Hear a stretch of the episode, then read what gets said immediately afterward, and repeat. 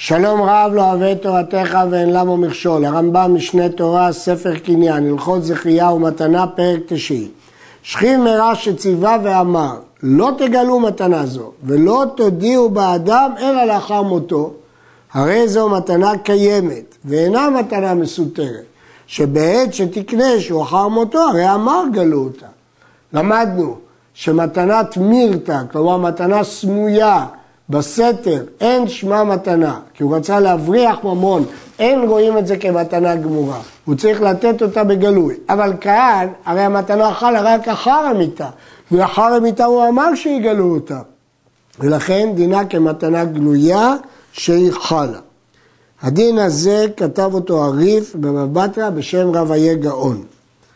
יש להעיר שבפרק חמישי כתב רבנו, הנותן מתנה בין בריא, בין חולה, צריך שתהיה גלויה ומפורסמת. אבל זה לא קושייה, כי היא באמת גלויה, הוא אמר שזה יחול אחרי המיטה, ואז הוא אמר לגלות את זה. מצווה מחמת מיתה, כלומר, לא מתוך שהוא שכיב מרע אנחנו משערים, הוא אמר בפירוש שהוא מצווה מחמת מיתה. אינו צריך לומר גלו את המתנה, אלא אף על פי שכתובה סתם, אין חוששים לה שם המסותרת היא. כיוון שהוא אמר בפירוש שהוא מצווה מחמת מיתה, אז ברור שלא צריך להגיד שגלו את המתנה, כפי שהסברנו בהלכה הקודמת. שכיב מרע שאמר, ייטול פלוני נכסיי, או מקצת נכסיי, הוא יחזיק, או יזכה, או יקנה, כולם לשון מתנה. כל הלשונות האלה הן לשון מתנה. וכן אם אמר יחסן או יירש על מי שהוא ליורשו, הרי זה קנה, גם זה, למרות שזה לא בדיוק לשון מתנה, אבל מתנת שכיברה היא דומה לירושה, ולכן גם הלשונות האלה תופסים. לעומת זאת, אמר יענה פלוני בהם, יעמוד בהם, יישען בהם, לא קנה. לשונות אלו עלו בהגברה בספק אם הם לשון מתנה, ולכן לא קנה, כיוון שהכלל הוא המוציא מחברו עליו הרע. יש להעיר שבדרך כלל הרמב"ם כותב שכשיש ספק תפיסה מועילה, וכאן הוא לא הזכיר את זה. שכיב מרע, שכתב כל נכסיו לאחר, אם אינו ראוי ליורשו, נוטלן משום מתנה, מתנת שכיב מרע. ואם ראוי ליורשו, נוטלן משום ירושה. אם ראוי ליורשו, אז עדיף לו לקבל המתנה הזאת בתור ירושה. יש ראשונים שחלקו על הרמב"ם וכתבו שהוא אמר מפורש לשון מתנה, זה יהיה מתנה. ורק כשהוא לא פירש זה יהיה ירושה. ולפי הרמב"ם אפילו שאמר בוודאי, כיוון שהוא ראוי ליורשו, הוא מקבל מדין ירושה. במה דברים אמורים? ושהיה יורש לזה אחת ממנותיו, או אחד מכלל בני בניו, או אחד מכלל אחיו, וכיוצא בהם משאר יורשים. אבל אם טבעם לאחד הם בניו, לא עשהו לאפיטרופוס כמו שבאנו. כבר למדנו שכאשר אבא כותב את כל היחסים לאחד מהבנים, הוא לא התכוון שרק הוא יירש, אלא התכוון שהוא יהיה אפוטרופוס שיטפל בנכסים עבור כל הבנים. מי שאמרו לו בשעת מיתתו, נכסיך למי הם? שמא לפלוני? אמר להם, אלא למי? כך הוא השיב להם. אז הוא לא השיב תשובה ברורה. רואים, אם ראוי ליורשו נותרה משום ירושה, ואם לאו נוטלה משום מתנה. גר שיש לו בן, שאין הורתו בקדושה, כלומר שאימו של הבן התעברה מאביו לפני שהתגייר. מקרה כזה אין קשר הלכתי בין האב לבנו, והבן לא יורש את אביו. הואיל ואינו יורשו כמו שהתבהר במקומו, כך אינו יכול ליתן לו נכסיו במתנת שכיב מרע לו, כל נכסיו ולא מקצתן, שלשון ירושה ומתנה לגבי יורש אחד הוא. ואם תאמר יקנה, נמצא זה כאילו ירש אביו. יש פה חידוש גדול, שלמרות שמתנת שכיב מרע היא מתנה, אבל תקנו את זה בצורה של ירושה. ולכן עשו פה גזרה, כיוון שהבן הזה לא יוכל לרשת את אביו, כי הוא לא בנו מבחינה הלכתית, כי הייתה הורתו שלא בקדושה, במקרה כזה, אז גם אין בו מתנת שכיב מרע. לפיכך, אם נתן לגר משאר הגרים, מתנתו קיימת. רק בגר כזה, אז מתנתו לא קיימת, כי יש חשש שאמרו שבן יורש את אביו. אבל אין מניעה לתת את מתנת שכיב מרע לסתם גר. הרעב"ד חולק בזה וכותב, ואין הדעת נוחה ממנו. הוא לא מקבל את הפירוש הזה של הרמב"ם. מסביר המגיד משנה, שלדעת הרב"ד אין הבדל בין בנו בגיותו לשאר הגרים, כמו שהוא יכול לתת לכל גר, והגזרה איננה על היורש, אלא על המוריש, אם אין לו בנים ביהדותו, אינו יכול להוריש וגם לא לתת מתנת שכיב מרע. שכיב מרע שהודה שיש לפלוני אצלי כך וכך חוב, תנו לו. או שאמר, כלי פלוני הוא פיקדון בידי לפלוני, תנו לו. חצר פלונית של פלוני, חוב שיש לי ביד פלוני אינו שלי, שפלוני הוא. בכל אלו הדברים וכיוצא בהם, הודייתו הודיה. אנחנו מאמינים להודעה שלו שהדברים האלה לא שייכים לו. וכאן, אפילו אם עמד לא חוזר, כי זה לא סתם מתנה, מדובר בהודעה. ואפילו לא צריך לייחד עדים, כי אדם בשעת מיתתו הוא לא משתה, אז לכן הוא לא יכול להגיד שיתיתי בך. ואפילו הודה הגר לבנו שאין הורתו בקדושה, דבריו קיימים, אפילו הודה שכיב מרע לגוי נותנים לו, כי בכל הדברים האלה הודעתו נאמנת שהחפצים האלה לא שלו, אלא של אחרים. אבל שכיב מרע שציווה ליתן גוי, לגוי מתנה, אין שומעים לו.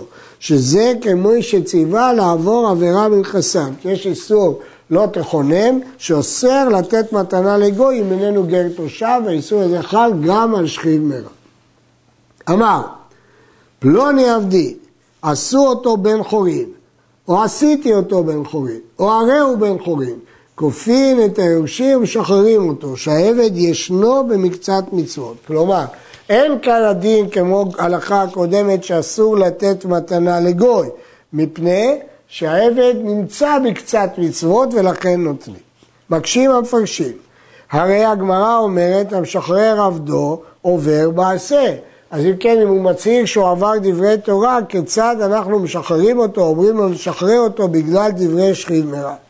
מסביר הרשב"א שהאיסור לשחרר עבד הוא רק ללא גמול מצידו. אבל אם עשה עבד טובה לאדון, מותר לאדון לשחררו כגמול על כך. ולכן, אם השכיב מרעמה לשחרר את העבד, אנחנו תולים שהעבד עשה לו טובה ולכן מותר לשחרר אותו. אמר, פלונית שפחתי, עשו לה קורת רוח, עושים לה. מהי הקורת רוח לפי הרמב"ם? אינה עובדת אלא עבודה שהיא רוצה בה מכל העבודות הידועות לעבדים שבאותו מקום. היא תבחר איזה עבודה היא רוצה. רש"י פירש שקורת רוח זה שחרור. שכיב מרע, שכתב כל נכסיו לאחד, ואמר עליי איני רוצה בהם, לא קנה, מתנה בעל כורחו איננה מתנה. שתק, בשעה שהוא אמר השני שתק, ואחר כך צבח, קנה. שדברי שכיב מרע ככתובים וכמסורים, וכיוון ששתק אינו יכול לחזור בו. יש פה חידוש. שהרי אמרנו שהקניין לא חל אלא במיתת הנותן. אבל כיוון שכבר בשעה שהוא אמר זה כאילו כתובים ומסורים, זה כאילו כבר הגיעה המתנה לידו והוא לא יכול להתנגד. למרות שבפועל המתנה לא תהיה עד שהוא ימות. שכין מרש כתב לזה וחזר וכתב לאחר, האחרון קנה, כי אמרנו שהוא יכול לחזור בו, שיש לו לחזור עד שימות, בין בכל, בין מקצת, בין לעצמו, בין לאחר. אפילו כתב וזיכה לראשון וכתב וזיכה לאחרון, האחרון קנה, ששכיב מרע שזיכה עדיין מתנת שכיב מרע. ובכן למדנו חידוש, שבשכיב מרע שעברי יכול לחזור. עכשיו יש חידוש נוסף, ששכיב מרע יכול לשנות את צוואתו עד רגע מותו ככל שהוא ירצה. אבל שכיב מרע שכתב וזיכה וקנו מידו, אם עשו קניין סודה, אין לאחר קניין כלום.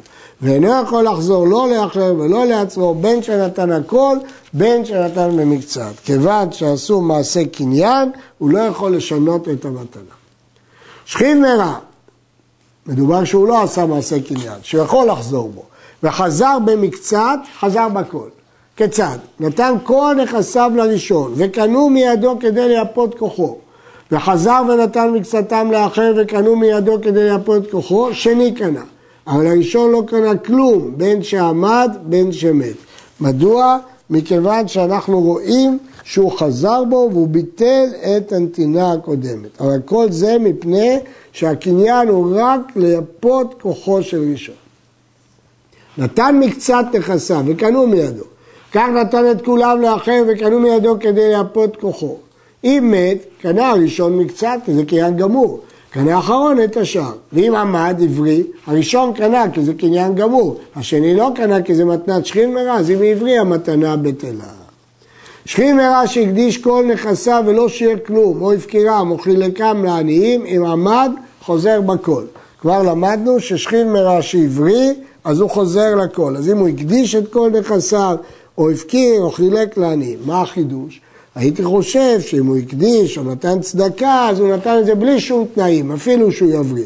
לא, הדין לא כך, שאם הוא עברי, חוזר בכל. מחר כשהוא שכיב מרע, ממכרו קיים כבריא. הוא אדם שיש לו דעת, ומכירתו מכירה. מחר כל נכסיו, אם היו המעות עצמן קיימות, אם עמד, חוזר. ואם הוציא המעות, אינו יכול להחזיר. זה חידוש שבשכיב מרע כל עוד הכסף בידו, אנחנו תולים שהוא מכר רק בגלל שהוא ידע שהוא שכיב מרע, ולכן הוא יכול להתחרט ולהחזיר את המכר כל עוד המעות בידו. מתנה שהיא סתם, לא נתפרש מה שהיה בריק שנתנו, שהיה שכיב מרע. הוא אומר, שכיב מרע הייתי, והרי עמדתי ויחזור מתנתי, עכשיו הבראתי ואני רוצה להתחרט.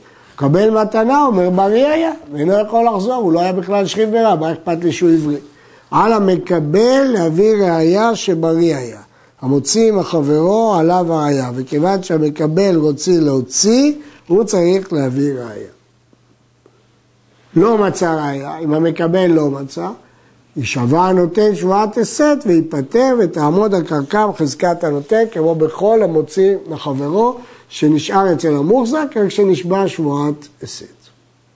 אבל אם היו מיטלטלים ביד המקבל, אם המתנה הזאת היא מיטלטלים והיא אצל המקבל, יש לו מיגו. מתוך שיכול לומר שלי קניתי אותם, יישבע הסד שבריא היה כשנתן לו מתנה זו. אז הוא יישבע הסד ויזכה בנכסים. מי שמת ונמצאת מתנה קשורה לו על ירחו, אף על פי שהיא בעדים, וקנו מידו כדי לייפות כוחו אלו שנתן להם, הרי זה אינה כלום שאני אומר כתבה ונמלא. הוא הכין שטר מתנה והדביק אותו לרגל, אבל לפני אה, שהוא מת הוא נמלח, התחרט. ואם זיכה בה לאחר, בין היורשים, בין שלא בין היורשים, כל הדברים שבה קיימים, ככל מתנת שכיב מרע. כיוון שהוא עשו זכייה, אין לחשוש שהוא נמלח, בין אם היורשים, בין אם לא מן היורשים.